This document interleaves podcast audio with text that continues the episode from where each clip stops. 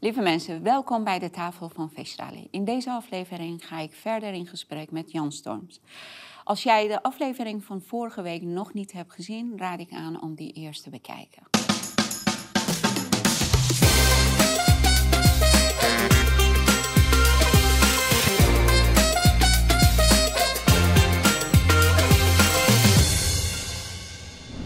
We waren gestopt bij het punt dat ehm, uh, als jij je terugtrekt van de wereld en als, als je alleen met jezelf bezig bent, uh, is dat goed of is dat niet goed? Ja.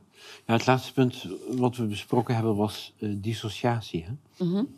Maar dissociatie heb je in allerlei vormen en maten.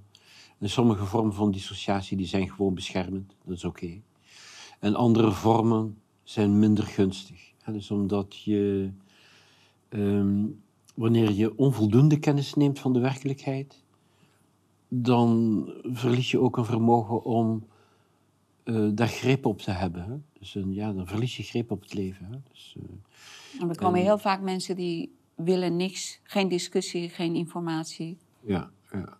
ja dat is jammer. Hè? Dus, uh, ja. ja. dus je hebt mensen die zich daarvoor afsluiten omdat er Um, ja, omdat bepaalde ideeën alleen al verstorend zijn voor hen. Hè? Dus en dan kunnen ze dat niet aan. En dan willen ze zich daarvoor afsluiten. Ja, dat komt voor. Nee, maar je, je had nu... een andere vraag ook. Hè? Dus dat is dan van je trekt je terug uit de wereld. Ja, je hebt nu een trend dat mensen zeggen, weet je, ik ga me afsluiten. Er zijn te veel prikkels in de wereld. Het is alleen maar ellende wat ik hoor. Ik, dat zijn allemaal afleidingen. Ik ga mij daar niet mee bezighouden. En ik ga mijn eigen leven leiden. Ik ga genieten van mijn eigen leven. Tot hoeverre is dat verstandig? Tot hoeverre geeft dat nog extra macht aan alle psychopaten die allerlei... Dingen van plan zijn om nog verder te kunnen gaan met hun plan. Ja. Nu, eh, dus wanneer mensen ehm, eigenlijk te weinig draagkracht ervaren mhm. ten opzichte van uh, wat er allemaal gebeurt aan woeligheid in de maatschappij, dan zou ik zeggen van oké, doe dat maar. En zo, het is niet de bedoeling dat je jezelf gaat beschadigen met van ik wil alles weten wat er in de wereld gebeurt. Dat is niet de bedoeling. Nee. Maar als iedereen dat gaat doen, dan geef je natuurlijk hè, dus, uh, psychopathische heersers ook vrij spel. Dus um, ik hoop niet dat iedereen dat gaat doen, want je hebt ook mensen die maatschappelijke actie gaan voeren, die dus wel uh, mensen bewust maken. Hè? En hopelijk ook mensen mogelijkheden geven om hun draagkracht te vergroten. Ja, want dat hebben we in deze tijden nodig. En we gaan meer en meer mensen nodig hebben. En dus wanneer het nog moeilijker wordt, die die vuurtorenfunctie kunnen hebben. Ja, dus die niet zo gauw um, de neiging voelen om te dissociëren. Maar die, dus ook wanneer gebeurtenissen moeilijk zijn, overeind blijven staan. En een baken kunnen zijn voor mensen in hun omgeving. Dus die mensen, uh, ja, die vervullen, dan een heel belangrijke rol in de samenleving. Dus dat is ook wel belangrijk, hè? Dus dat mensen zich ontwikkelen. En dat ze ook de grote moeilijkheden waar we in zitten en die nog gaan komen, hè? dus dat kan nog intenser worden dan wat het nu is, dat ze die aangrijpen om een heel diepgaande ontwikkeling door te maken waarbij ze meer en meer innerlijk vermogen aanboren. Hè? Dus verborgen vermogen. Dat ze dat aanboren en gaan manifesteren. Dat is ook heel belangrijk. En dus, maar het is niet zo en dus dat ook mensen die ja, dus al een kwetsbaarheid hebben. Wow. niet. oh my god. Schroefje los. Holy. Nou, Lodi, als dit op mijn hoofd was gekomen. Wauw, wauw, wauw.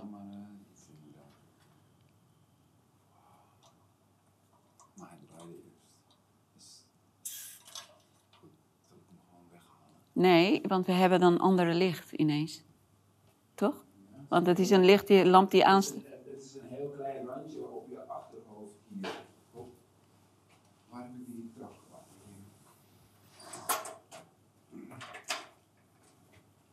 Ik heb hem net nog vastgezet, want hij hing al uh, op half tegen.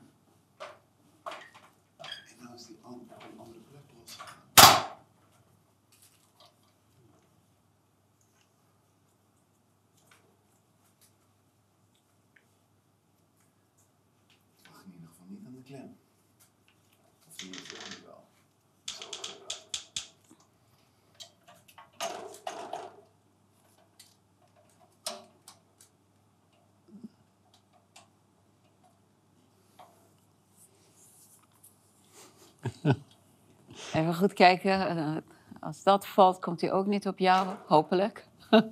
Nee, er hangen geen dingen boven je hoofd meer, toch? Oké. Want ook die, die boven je hoofd hangt, die draait eerst naar achter oké. voordat die kan vallen. Maar waar, wij, waar waren wij gebleven? Wanneer viel dat ding?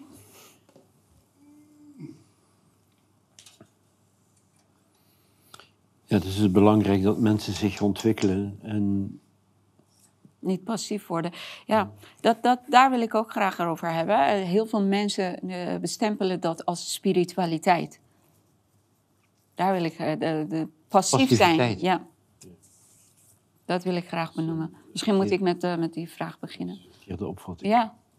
ja, ze denken dat als je niks doet, dan ben je spiritueel. Dan ben je aan het zweven. Oh god.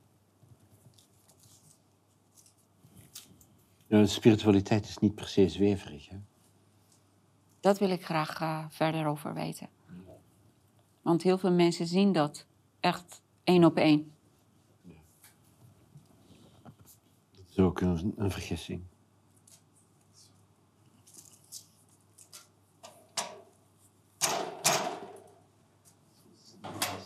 Oké. Je moet hier dan ook een eh, goede knip maken hè? In, in de montage. Dan. Zo, hoor.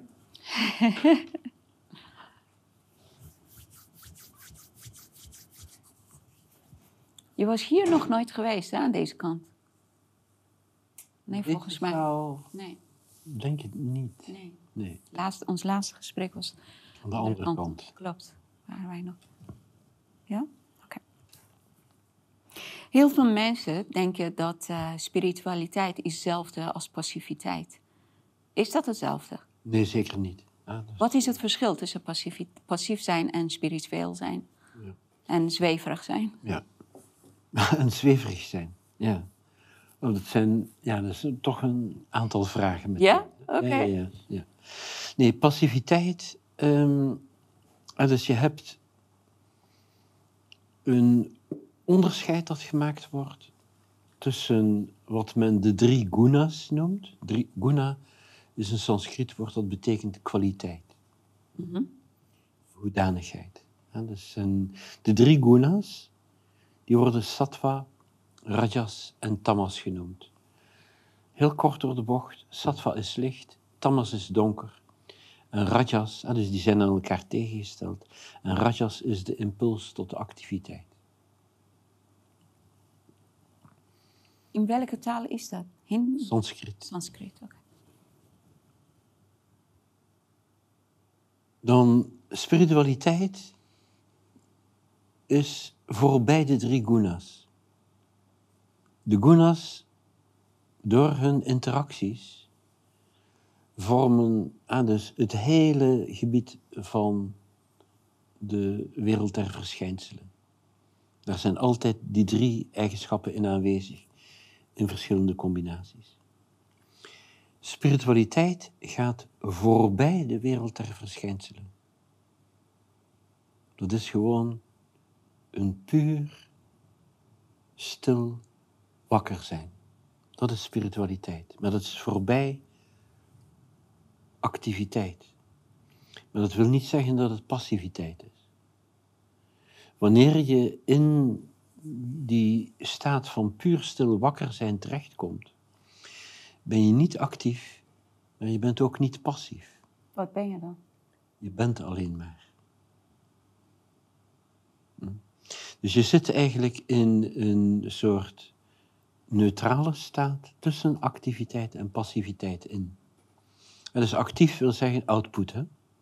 Passief wil zeggen je ondergaat alleen maar.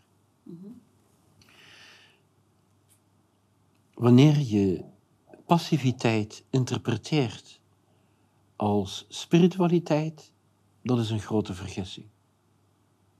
Dat is geen spiritualiteit, dat voert tot inertie. Dan maak je geen vooruitgang meer. Of heel, heel traag. Of je gaat, en wat mensen ook kunnen doen, je gaat achteruit. Dat kan ook. Als je onvoldoende vooruitgang maakt, dan, uh, ja, Heel veel mensen verwarren dat. Heel veel mensen. ja. Kan jij mij een duidelijke voorbeeld Maar dus geven? als je zegt van je hoeft niets te doen, Ja. en dus voor, om je spirituele, voor je spirituele, spirituele ontwikkeling wil zeggen ontwikkeling van je kern, ontwikkeling van bewustzijn. Je helderheid neemt toe. Oké, maar wat doe je daarmee? je vermogen neemt toe. Wat doe je Dat daarmee? ga je dan toepassen in het actieve leven. Kan Dus je passiviteit als je een, een pijl en een boog hebt. Hè? Ja?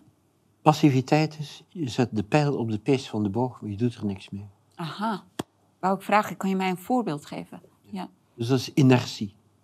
Ja, dus die, die pijl die heeft nauwelijks potentiële energie. Wanneer je de pijl volledig op de pees van de boog terugtrekt, dat, dat dan, dan heeft hij een toestand van stilte die hij bereikt. Hij is volledig op de pees teruggetrokken. Is ook stil. Maar in die staat heeft de pijl zijn grootste potentiële energie. Ach, ah. Dat is wat je doet voor je de pijl laat vliegen. Dus hij moet daar naartoe, maar jij trekt hem de andere kant op. Dat is wat je eerst doet. De Fransen noemen dat reculer pour mieux sauter.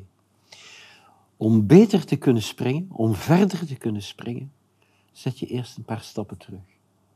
Dan neem je een aanloop. Dus je, je vergroot je potentiële energie. Dat is meditatie. Dus eh, spiritualiteit is een paar stappen terugnemen met als doel Effectiever te zijn Aanloop. in je activiteit. waarom mensen verwarren dat zo erg. Want ik zie zoveel mensen en dat doet ook echt pijn bij mij. Want ze, Ja, dan vervallen ze tot inertie. Hè? Kan je in de huidige situatie van de wereld een voorbeeld geven wat mensen eh, passief zijn, maar ze denken dat ze heel eh, spiritueel zijn? Dat is schering en inslag. Dus het is gemakkelijk om die twee met elkaar te verwarren. Omdat inertie ook een soort stilte is. Ja, dus dat is tamas. Dus je denkt dat je goed bezig bent, maar in feite glijd je af in duisternis. Dus mensen die niks doen en ze denken dat ze eh, spiritueel Eh, zijn, Niemand, zijn eigenlijk aan het teruglopen in duisternis. Hoe kunnen we dat? Nu, niets doen is eigenlijk onmogelijk voor de mens. Hè? Want je kunt niet eens je lichaam in stand houden als je niets doet. Hè? Dus dat, dat kan niet. En je wordt hulpeloos gedreven tot activiteit. Is dat daarom medita- waarom meditatie zo moeilijk is? Meditatie is heel gemakkelijk. We komen, oké, vertel. Oké, Eh, maak je ding af en dan komen wij daarop. Ja, ja, ja daar komen we nog toe. Hè? Ja. Ehm, nu, je hebt... en dus je kunt die stilte van... En dus bijvoorbeeld, je hebt mensen die denken dat ze mediteren als ze alleen maar stil gaan zitten. Dat is niet heel effectief. Niet heel effectief. En dus dat is meer te vergelijken met, je zet de pijl op de pees van de boog, maar je doet er niks mee. Je laat het alleen maar stil zijn. Echt meditatie wil zeggen dat je eh, dus je geest in die staat brengt waarin hij zijn grootste potentieel heeft. En dat is de voorbereiding op doeltreffende activiteit. Dus dat is meditatie. Voor mensen die in de wereld leven. Je hebt ook nog ehm, meditatie voor mensen die aan de wereld verzaken. En dus die zeggen van ik wil met de wereld niets te maken hebben. Ik ga alleen voor de realisatie van God en niets anders dan dat. Wat is de nut van zulke mensen? Die hebben, en dus als dat natuurlijk is voor iemand, dan is dat prima. Dus maar een hele kleine groep mensen voor wie dat natuurlijk is. De Kan meeste dit mensen. natuurlijk zijn? Eh, ja, dat kan het tijdstip van je geboorte zijn. En dat is een bepaalde constellatie van de sterren, planeten, waardoor jij bij uitstek iemand bent die de wereld vaarwel zegt. Zeggen we, het interesseert me niet. Die mensen heb je altijd. Er zijn mensen die ehm,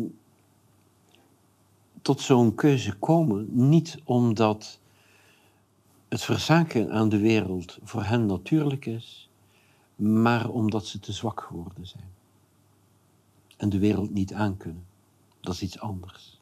Zijn ze ook hetzelfde als mensen die zelfmoordneigingen krijgen? Maar is de, ja, de Dat wereld is, een beetje, dat is een beetje kort door de bocht, want je hebt daar behoorlijk wat mogelijkheden aan, dus verschillende oorzaken voor. Hè. Ja, nee, maar de kan dit oorzaken- ook een van de oorzaken zijn, bedoel ik? Ja, Ehm, ja, ja dus je, hebt mensen die, eh, dus, die verzaken niet echt aan de wereld, die vluchten eruit weg. ja. Omdat ze hem niet aankunnen. Een beetje zoals eh Neschio schreef, eh, dus, eh, dus een Nederlandse auteur, die heel weinig geschreven heeft, maar wel prachtige dingen. Dus dat hij zich verslikt had in de wereld en dat de scherven rondzwierven in zijn gestaan. Ja. Dat is een beetje weltschmerz. Dus, eh, Wat is wel smers? ja, ja dat, dat, is, dat is weltschmerz. Dan heb je je verslikt in de wereld. En Ja, dat is wat letterlijk dat woord dat is, nee, dat zijn, zijn hart was gebroken en de scherven zwierven rond in zijn gestel. Ja.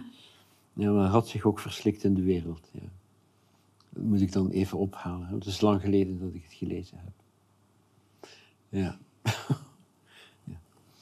Nu, die mensen, wanneer ze dat goed doen, en dus verzaken aan de wereld, dan gaan ze dus diepe stilte in. Ah, dus wat eigenlijk iedereen doet. Hè? Dus, eh, die op een effectieve manier mediteert, dan ga je in diepe stilte. En je, erva- je ervaart dat puur stil wakker zijn. Dat is de kern van het bestaan. Dat is de uiteindelijke werkelijkheid. Dus dat is voor die twee categorieën van mensen hetzelfde. De mensen die aan de wereld verzaken, die gaan dat aanvullen met activiteit op het allerfijnste niveau van de wereld van de verschijnselen. En dus je hebt grofstoffelijk, fijnstoffelijk. hm? En binnen het fijnstoffelijke heb je allerlei graden van verfijning. En die gaan dan zich specialiseren in het meest verfijnde niveau van activiteit. En daar heb je ook nog verschillende mogelijkheden, mogelijkheden in. Dat kan intellectuele activiteit zijn. En voor mensen die daar bijzonder goed in zijn, dus dat moet je, dan moet je dat talent hebben. En zij besp- bespiegelen dan de goddelijke natuur. Dat is waar zij zich aan overgeven. En op die manier komen ze tot verlichting. Een tweede mogelijkheid is dat je op dat allerfijnste niveau devotionele activiteit hebt. Het hart. Liefde tot God. En op die manier verwerkelijk je. En dus daarnaast hou je je lichaam nog net in stand, maar dat interesseert je niet veel. Relaties met andere mensen, dat interesseert je niet. Alleen de relatie met God. Dat is voor de wereldverzakers die het op de juiste manier doen. Dan heb je de mensen die in de wereld leven, zoals jij en ik. Hè? Die gaan ook in die diepe stilte. Is heel gemakkelijk, je glijdt daar zo in weg. Of je komt thuis in jezelf. En dan wissel je... Zonder hulpmiddelen? Nee, nee, dat is met een techniek. Hè? Nee, maar gewoon niet dat je iets moet, weet ik veel, drinken of spuiten of snuiven of wat dan ook, weet ik veel. Nee, nee, dat is, eh, dat is echt een ramp voor de smartshop op de hoek. Hè? Ja, hè? Die heeft geen klandizie meer aan jou. Hè? Nou, sorry, sorry dat ik onderbreek, maar dit wil ik graag vertellen. Ik heb echt, een aantal weken geleden had ik hier twee mensen gehad. Die zaten mij 2,5 uur lang, ze probeerden mij te overtuigen dat ik psychedelica moet nemen. Omdat ik dat nodig heb om in de spiritualiteit en weet ik veel, een derde dimensie, vijfde, ik weet ik niet meer welk cijfer dat. Dan denk ik, nee, dat wil ik niet. Maar ze vonden dat ik eh vastzit in mijn aardelijkse lichaam. En ik dacht, oh my god. Ja. Hadden ze Het is- gelijk? Nee, ik denk het niet. Ik denk het niet. Ja, dus, ehm, eh, soms kunnen die dingen een zekere nut hebben hoor. Maar ehm, meestal kom je dan in een bepaalde gehallucineerde werkelijkheid terecht. Die ook nog altijd tot de wereld der verschijnselen behoort. Maar niet de kern van de zaak. Dus de kern van de zaak is gewoon je eigen bewustzijn ervaren. In zijn meest eenvoudige staat. En dat wissel je af met je gebruikelijke activiteiten in de wereld. Gewoon door te doen wat je altijd al deed. Dus je gaat mediteren en daarna ga je van alles doen. En op die manier integreer je die twee aspecten van het leven, stilte en activiteit. Mhm. Zodanig dat, ah, aanvankelijk zijn die in concurrentie met elkaar. Wanneer je in de diepe stilte gaat, dan is er geen activiteit meer. De hele wereld verdwijnt voor jou op dat moment. Omdat je je helemaal terugtrekt naar binnen. En op het moment dus dat je de activiteit ingaat, verlies je de stilte weer. Want de activiteit komt weer op de voorgrond. En de stilte verdwijnt weer in de achtergrond. Wie jij bent, verdwijnt weer in de achtergrond. Kan je zelf schakelen wanneer je dat nodig hebt? Ja, in principe heb je dan een soort routine. hè. Je mediteert een paar keer per dag. En de rest van de dag doe je gewoon je dingen. Heb je tips om goed te kunnen mediteren? Ja, ik geef daar cursus in. hè. Ja, nee, maar gewoon, eh, gewoon een paar, eh, weet ik veel, eh, beginstappen. Die, Ja, dus dan moet je echt wel een basiscursus doen. Dus ik geef die in acht les. Mm, Oké, maar het is niet zo dat je gewoon ergens gaat zitten en stil en dan komt het vanzelf. Dan alleen maar stilzitten, neig je tot gewoon. En dus dan gebeurt er Dus niet het al. is ook echt een techniek dat als je dat toepast, dan kom je terug bij jezelf. Ja. En, En dus door terug te komen bij jezelf en dan weer de activiteit in te gaan, en weer terug te komen bij jezelf en dan weer de activiteit in te gaan, door heen en weer te bewegen tussen die twee realiteiten, kom je tot een toestand waarin beide met elkaar geïntegreerd zijn en ze storen elkaar niet meer. Dus terwijl je volop geëngageerd bent in de activiteit, blijf je gevestigd in de stilte. Spontaan. Hoe lang duurt zo'n cursus om eh, die trainingen goed te leren? Dus acht lessen en ehm, dus alles bij elkaar is het ongeveer 22 uur. Dan krijg je ook alle uitleg die je nodig hebt om dat voor de rest van je leven goed te kunnen doen. hè. Heb jij ook mensen gehad dat, dat gefaald zijn in, die trainingen? Ja, ja, ja. Maar wat was de reden? dat is dat, zeldzaam. Dat is zeldzaam. wat was voor, voor... Wel, om een voorbeeld te geven, hè, dus, eh, er was iemand die dus eh, heel zwaar druggebruiker geweest was. Die was er wel enkele, enkele jaren van af. Maar op het moment dus dat ik haar de techniek gaf om te mediteren, kreeg ze meteen flashbacks. Ja. En dat is dus ook omdat eh, residuen van drugs nog in het weefsel kunnen opgeslagen zitten. En eh, wanneer dat opgeruimd wordt, dus dan kan dat weer in circulatie komen en dan Je hebt het over drug. en, maar dus dat is dan een keuze die mensen maken. Hè? Dus die denken van, Ja. ja. ik ga hier niet mee door. Je had het over drugs. Wat vind je van ayahuasca? Dat is iets die ik heel vaak hoor over, oh, ultieme reddende middel. Ik heb zelf niks met psychedelica en ook dingen die jou in een andere... Mhm. Ja. Nee. Wel, ik heb het zelf een aantal jaren geleden gedaan. Ja. En ehm, ik had daar een eh, specifiek doel mee. En ik heb dat doel ook gehaald. Dus dat had iets te maken met mijn gezondheid.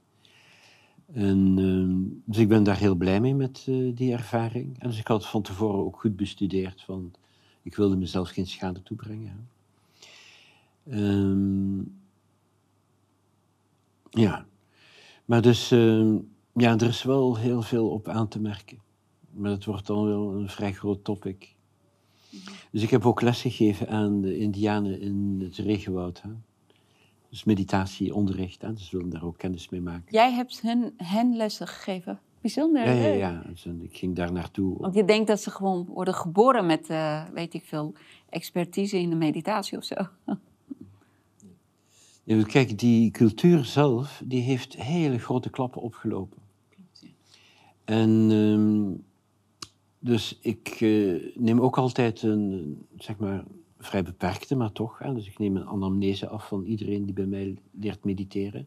Zodanig dat ik een beetje weet waar ik rekening moet mee houden, eventueel in de begeleiding. Maar die mensen hadden allemaal ernstige ziekten van vitale organen.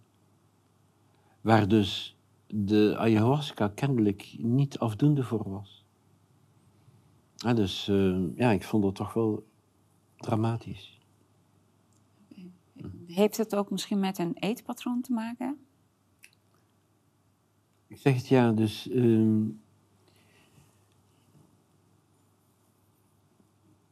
in ieder geval zijn de mensen zeer arm.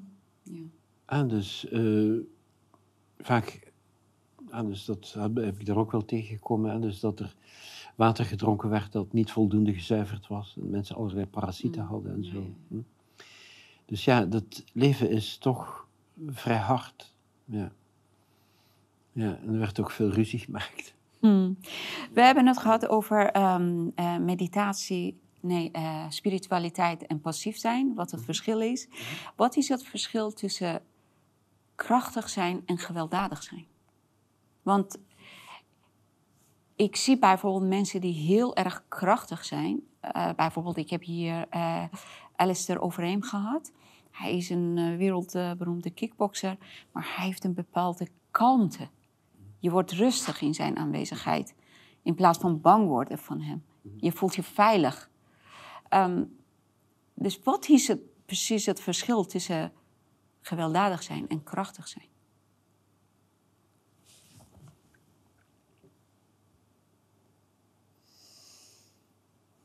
Ja, het zijn eigenlijk twee verschillende categorieën. En Want wanneer iemand gewelddadig is, dan gebruikt hij wel kracht. Ja. Maar. ehm,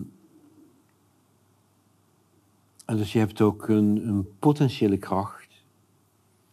die je op een bepaald moment dus niet hoeft in te zetten. Hè? Maar je ziet het aan die mensen die krachtig zijn, maar niet gewelddadig. Je voelt het. Maar gewelddadige mensen, je wordt bang van. Ja, ja, dus dan komt er heel veel onrust. Hè? Ja. ja, maar laat ik het eh, op een wat eh, beperkter niveau nemen. Hè? Dus eh, bijvoorbeeld het denken. Dus men zou ervan uit kunnen gaan dat gedachten krachtiger zijn naarmate ze luider zijn.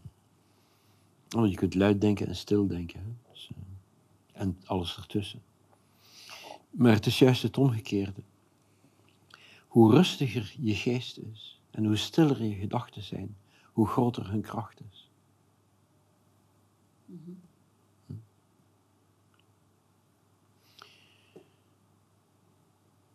Dus mensen die gewelddadig zijn, ze hebben hele onrustige. Ja, dus dan wordt. Ja, dat kan. Ja, ja, dat kan. ja. Zijn psychopaten ooit gelukkig?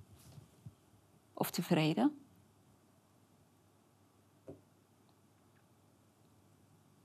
Nou, er zijn, je hebt verschillende soorten psychopaten. Hè? Je hebt psychopaten die sowieso weinig besef hebben van hun eigen staat.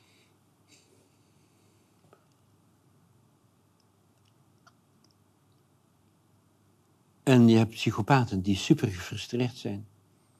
En die dan vaak veel gevaarlijker zijn dan ja, mensen die psychopaat zijn, maar die denken dat iedereen zo is. En die eh, eigenlijk een vrij normaal leven leiden. Ah, dat is een beetje doorsnee leven.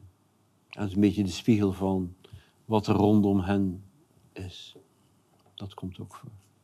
Kunnen wij misschien concluderen dat hoe erger een psychopaat, hoe hoger hij kan opkomen in deze huidige wereld.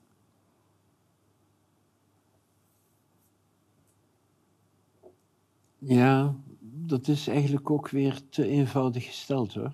Ja. Want je zeg maar hoger komen in deze wereld, ah, dus en dan eh, verantwoordelijke posities bezetten in de Mhm. maatschappij. Ja, daar moet je ook eh, ambitie voor hebben, Doorzettingsvermogen. doorzettingsvermogen. Ja.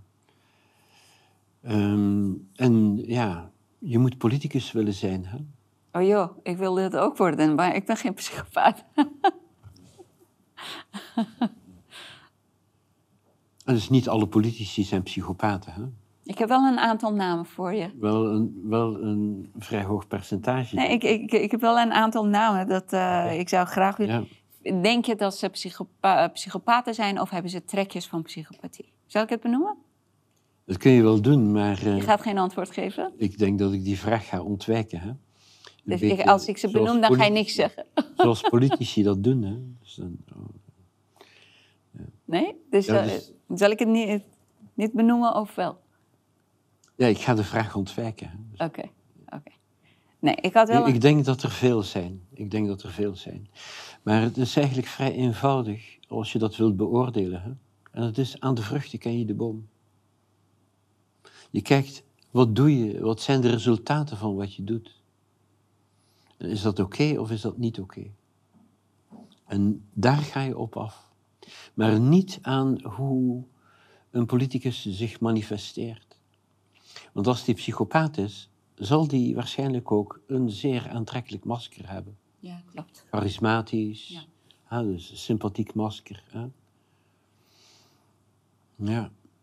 Dus, ehm, maar natuurlijk onoprecht. En het kan zeer moeilijk zijn om door een geraffineerd masker heen te kijken.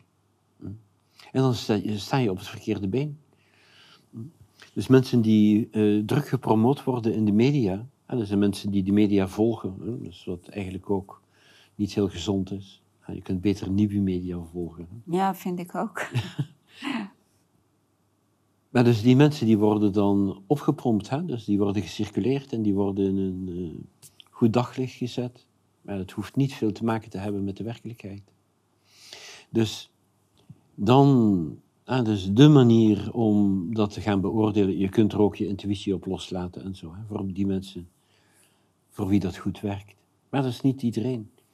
Maar je gaat kijken van wat doen ze? Hè, bijvoorbeeld ook het verschil tussen wat beloven ze, wat doen ze. Maar ook wat doen ze en wat zijn de gevolgen daarvan? En in welke richting gaat dat meestal? Ja, en wat je ziet bij de huidige politiek, is dat het eigenlijk ehm, zijn oorsprong vindt in haat voor de mensheid. Dat, ik kan er niks anders van maken. Dus de huidige politiek haat mensheid. Ja, ik zeg niet dat iedere politicus mensen haat. Nee, snap ik. Er zitten ook mensen in, eh, dus die idealistisch zijn, die zich echt willen inzetten. En er zijn ook mensen bij die gewoon dom zijn. Ja, dus dat heb je ook. Die zijn geen psychopaten, maar die zijn gewoon volgers. Ja, je hebt eh, volgers, meelopers, hè? Ja. En dan heb je dus eh, de mensen die, die echt, eh, Echt kwaad bedoelen. echt kwaad bedoelen. Ja. Ja. Ik kan wat makkelijker overweg met namen van mensen die al overleden zijn. Hoor. Ja, kan jij een paar benoemen? Ja, zeker. Mussolini bijvoorbeeld was eh, een psychopaat. hè. Hitler was ook een psychopaat. Khomeini was een psychopaat. Die ken ik niet genoeg. Oh, die, die ken ik heel goed. Ja. En ik kan je garanderen. Dus daar sta ik dan een beetje Ja. te ver af om daar iets van te kunnen zeggen. hè. Dus dat heb ik niet genoeg gevolgd. Lenin? Weet ik niet. Ik heb niet iedereen zo goed bekeken. Hè? Maar Stalin, eh, in mijn ogen in ieder geval. Mao? En Marx? Karl Marx? Wel, wat daarvan, is, ik heb daar wel over gelezen. En dus een, eh, op één plek vond ik dus de diagnose schizotypisch. Ja. Ja. Soros is ook volgens mij dood. Kan jij... eh, Is die dood? Eh, Een tijdje geleden heb ik overal Ja, gelezen. ja. Maar blijkbaar komen ze een paar keer terug hoor. Die mensen. Die gaan niet helemaal weg. Maar hij is ook een psychopaat, toch? ja, ja, En het boeit mij niet of hij in leven is of niet. Ja, ja. Ja, natuurlijk, ja. Ja, dat is vreselijk. Hè? Dus, eh, de uitspraken die die man ook deed. Ja. Hey, Maar ehm, Ja? ja? Barack Obama, oh, maar die is ook nog niet dood, hè? Nee, nog niet dood. Nee, maar nee, nee. we gaan Maar, gewoon heel ehm, stiekem zeggen dat hij echt een psychopaat is, toch? Ja, ik eh, had meteen de indruk toen hij voor de eerste keer gekozen werd. hè. Ja, gelijk? Oh, ik had het toen nog had, niet zo eh, snel door. Ik had eh, eigenlijk de hele verkiezingsstrijd eh, niet gevolgd. Hè, want ik ben niet voortdurend met politiek bezig. Ik had die hele verkiezingsstrijd niet gevolgd. Maar toen ah, had hij de verkiezingen gewonnen. En er was een eh, fotograaf die hem een hele tijd gevolgd heeft en die dus ook privé foto's mocht maken. En toen hij dus eh, het bericht kreeg dat hij gewonnen had, was hij niet blij. Niet blij? Dat kon je duidelijk zien op de foto. Waarom? Daarna heb ik die foto's niet meer teruggevonden. Maar hij was niet blij. Oh, misschien was hij zo onverwas verrast dat hij geen houding kon geven. Dat gevoel had ik precies met toen George Bush ehm, hoorde dat die aanval op Twin Tower gebeurd is. Want dat werd live uitgezonden en ik zag het. Toen was ik in Canada toen dat gebeurde. En ik dacht, hè, dat is niet de reactie van eh, een president die zo'n ding, zoiets hoort. Ik vond hem te nuchter en te, Maar wat hij wist... te krachtig teruggetrokken in zichzelf. ja. Laat ik zo zeggen. Nee, maar Barack Obama lijkt me stukken slimmer dan, dan die tweede Bush. Ja, klopt. Maar ehm, ja, dat klopte helemaal niet. Nee, er zijn veel meer dingen die niet kloppen over Obama's. Nu dat wij met de politiek bezig zijn, ehm, we zijn in 2024. Denk je dat het een jaar wordt anders dan 23, 22, 21 en 20? Ja, ik, eh, mijn vermoeden is, hè, Mhm. want ik ben natuurlijk niet Madame Blanche, hè, dus, eh, die zomaar even voorspellingen gaat doen. Maar mijn vermoeden is dat het eh, meer en meer gaat escaleren. Ja. En, eh, In welke opzicht, in welke vlak? Ja, dus dat ehm, de Partij van de Mensenhaters, als we het zo even noemen, hè, dus de WEF en al die mensen die ons voortdurend willen zegenen met allerlei genetische manipulatie via vaccins en zo. Ehm, ja, mijn vermoeden is dat het gaat eh, escaleren. Maar ik zie ook dat die partij ah, dus in hun haast om dit allemaal voor elkaar te krijgen, hele grote fouten maakt. En dat is ook des psychopaten. Hè? Zichzelf overschatten, denken dat men onkwetsbaar is en dat men alles kan, kan maken. Psychopaten vernietigen uiteindelijk zichzelf. Ja. ja. Dus eh, een beetje hoogmoed komt voor de val. Hè? Dus, eh, ja. dus dat, ja. Maar eh, het is niet zo dus dat we alles maar op zijn beloop kunnen laten. Dat is een fout die heel veel mensen maken, echt. En dat noemen ze spiritualiteit en daar hebben wij uitgebreid over gehad.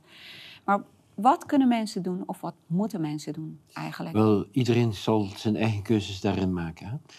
Dus ik denk dus dat ehm, de tegenbeweging gedragen moet zijn door reële spiritualiteit. En dus dat wil zeggen dus dat mensen meer en meer gevestigd raken in het absolute zelf.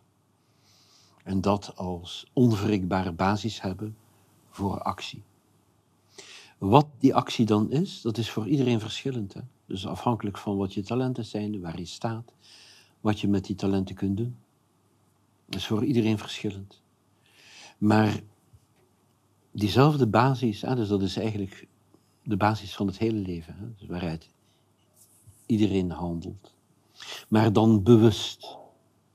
Bewust van daaruit handelen. En dat is eigenlijk heel erg simpel. Heel erg simpel. Maar je moet het doen.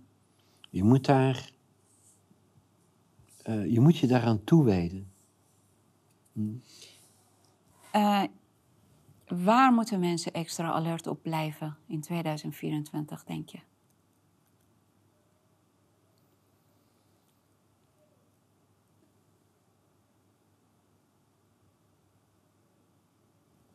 Ja, dat kunnen heel veel dingen zijn hoor.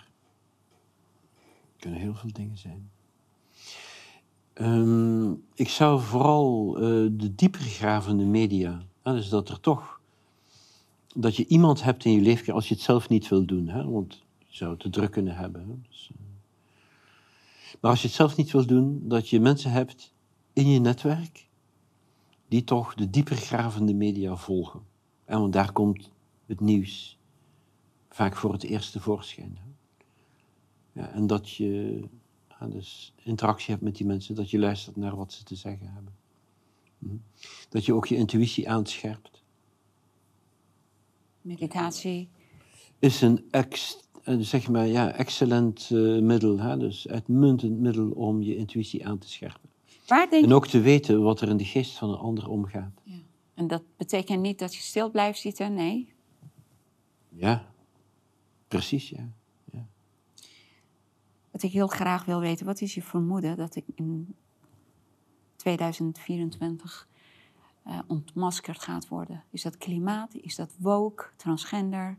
Is dat eh, globalisering? wat denk je? Eigenlijk, eigenlijk is dat allemaal al ontmaskerd. hè? Ja, voor ons. Voor mensen Ja. die nieuwsgierig zijn. Ja, dus dat gaat, maar alleen voor maar, heel veel mensen nog dat niet. gaat alleen maar toenemen. hè? Ja, ja, ja.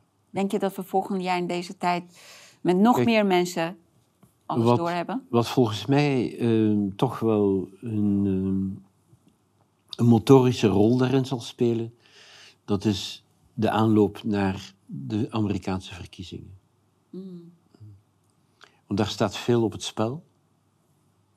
En eh, ik denk dat er veel naar buiten zal komen. Ken jij die in- corruptie en zo. Eh, de eh, kandidaat van Amerikaanse verkiezingen, Vivek Ramas. Ramaswamy. Ja. Ja. Wat is jouw indruk van hem? Ik heb hem niet heel uitgebreid gevolgd hoor. Ik heb hem wel enkele keer eh, zien voorbij komen. Hij zegt alle correcte dingen, alles wat niet goed is. Hij benoemt het heel vocaal. Hij is Ja. nergens bang voor. Hij is te mooi, te goed, te perfect, te geschikt. En hij lijkt heel erg op. Die uitstraling die hij heeft, lijkt heel erg op Trudeau, Macron. Eh, Een beetje iets, ja. I don't know. Ik vind hem te perfect. Ja, ja, maar het is in ieder geval een hele goede prater. Hij is intelligent. Absoluut. hè? Ja. En eh, volgens mij is hij een haas voor Trump. Als je weet, bij de loopwedstrijden hè, gebruiken ze een haas. Hè? Ja, ja. Dat, dat, ik vertrouw hem niet 100%. Ach ja, Ik ben met alles eens wat hij zegt. Hij is vocaal heel sterk en heel ik duidelijk. heb niet alles gehoord wat hij zegt. Ik, hij zegt echt alleen maar goede dingen. Maar te goed. Ja, ja, ja. Iemand die zo gedreven is en zo. Ik denk dat het een haas is voor Trump. Ja, dat is een strategie. Hè? Dat gevoel had ik ook. Ja. En Trump geeft hem helemaal geen aandacht. Ja.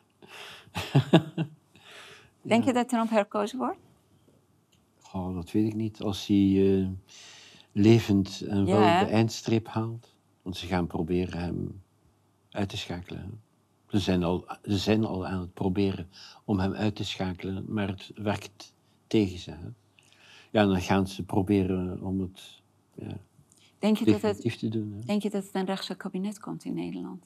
Of komt het een nieuwe eh, verkiezingen? Links en rechts, ik vind het echt nutteloze termen. I know, I know. Maar bijvoorbeeld, eh, kijk, het is, Nederland wordt in ieder geval iets anders als bijvoorbeeld eh, Wilders. Of, is heel anders als Kaag of als Jette minister van Nederland wordt. Pre- Ik denk, Minister-president. ja, dat is een beetje, want ik heb daar geen bewijzen voor. Hè? Dus dat is een beetje natte vingerwerk. Hè? Ja? Waar komt de wind? Volgens mij ehm, is eh, Wilders vrij onoprecht. En eh, doet hij gewoon mee met eh, de mensen die wij niet zien zitten. Ehm, ik heb geen vertrouwen in de verkiezingsuitslagen. Dat is ook al, al lang niet. Hè. Dus dan hoor ik een verkiezingsuitslag. En mijn eerste reactie is altijd van, dat kan niet kloppen. Jawel. Ik heb twintig jaar ben ik stembureauvoorzitter geweest of stembureaulid. En iedere ochtend als, eh, als ik daar was, als die klikko's komen, dan was ik gewoon degene die alles ging controleren. En dat heb ik in de regio Amersfoort-Utrecht gedaan altijd. Eh, die zijn leeg. En als mensen komen en stemmen en ei- eind van de avond ga je stemmen tellen. Jan, je krijgt tranen in je ogen als je ziet hoe mensen stemmen.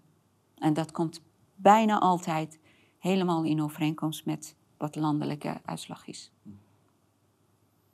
Ik denk dat er gevoefeld wordt. Niet op zo'n manier dat ze gewoon echt stembiljetten gaan veranderen. Ik denk dat het ermee gefraudeerd wordt lang voor de verkiezingen. Met verkeerde informaties, verkeerde eh, manipulaties. Dus dat, daarin wordt wel gemanipuleerd met hersenen van mensen die heel simpel mainstream vertrouwen en eh, reclames volgen. Maar dit keer vind ik dat mensen toch, ondanks ehm, alle indoctrinaties die ze hebben over zich heen gekregen, hebben ze toch anders gestemd dan wat mainstream media had gehoopt. En dat vind ik, kijk, babystapjes, hè? Het komt uiteindelijk goed, denk ik, hoop ik en wil ik heel graag geloven. Nou, wat ik ehm, af en toe opvang, dat is van mensen die hebben dan eh, op iemand gestemd. Een beetje een obscure kandidaat een klein plaatje of zo.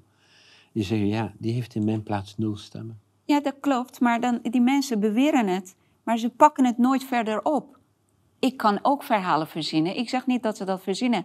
Maar als ik bijvoorbeeld eh, stem op eh, Pietje Peuk en ik zie dat dat niet terugkomt, in dan ga ik het oppakken. Dan wil ik z- Dan wil je het weten, weten. wat met Ja. mijn stem gebeurd is. Ja. Maar je, ik hoor van allerlei mensen, ja, ik heb op die...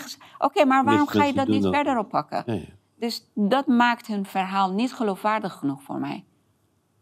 Je, je, het je, bent geloofwaardig als je het kan bewijzen. Ja, ja. Toch? Maar ik, ik kan het niet bewijzen. Nee, daarom zeg ik, die mensen die naar jou... gevoel dat ik krijg van... We zitten te kijken naar een film.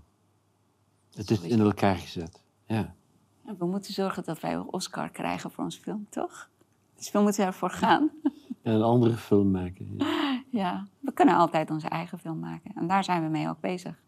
Jij doet wat je denkt dat je roeping is. En je probeert zoveel mogelijk mensen echt terugbrengen naar echte mensheid. Echte waarde van in het leven zijn.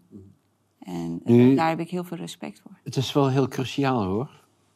Wat er ehm, de komende jaren gaat gebeuren met de mensheid. Dus ehm, wanneer dat bericht zich, ah, dus wanneer dus die trend zich verspreidt van je hoeft niets te doen, Ja. eh, dat zou zomaar eh, Einde van... bedoeld verspreid kunnen zijn. Absoluut. Omdat het niet effectief is. Ja, dus, zoals ook met veel dingen uit de New Age. Niet echt heel waardevol. ja. Niet echt heel diepgaand. Niet echt effectief. Ja, en daar raak je ook tijd en aandacht aan kwijt als je daarmee bezig bent. Hè. Het, eh, tijdens verkiezingen had ik ineens heel veel haat op mijn social media. Echt allemaal mensen die eh, heel gemeen waren tegen, naar mij. En die zeiden, oh ja, stemmen heeft geen zin, je moet niet stemmen, het is poppenkast, ik vertrouw het niet. eh.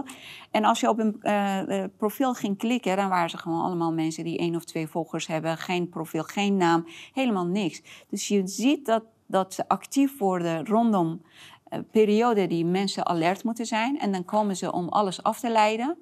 En nu heb ik helemaal geen last meer van. Nu dat de verkiezingen voorbij zijn. Jammer toch? Ja, ja. Het kunnen ook bots zijn. Hè. Ja, ja, dat denk ik ook. Trollen, bots. En wat ga jij in 2024 doen? Om, om een mooi jaar ervan te maken. Ja, oh, ik ga niet alles vertellen. Maar ik ga gewoon door met waar ik mee bezig ben. Hè. Dus vooral mensen leren mediteren. En ah, dus ervoor zorgen dus dat ze die functie van vuurtoren in de maatschappij kunnen vervullen. Ja, Mooi. Functie van vuurtoren in de maatschappij. Dankjewel. Ja. graag gedaan. Lieve mensen, bedankt voor het kijken. Ik, eh, ja, ik krijg nooit genoeg van je, Jan. We gaan binnenkort weer aan tafel zitten en eh, verder praten met elkaar. Het moet niet meer zo lang tussen zitten. Jullie thuis bedankt voor het kijken. Vanaf volgende week gaan wij terug naar uh, de gebruikelijke opzet van de tafel van Vistali. Meerdere gasten aan tafel en meerdere onderwerpen. Ik wens jullie nogmaals een hele mooie, gelukkige nieuwjaar en uh, graag tot volgende week.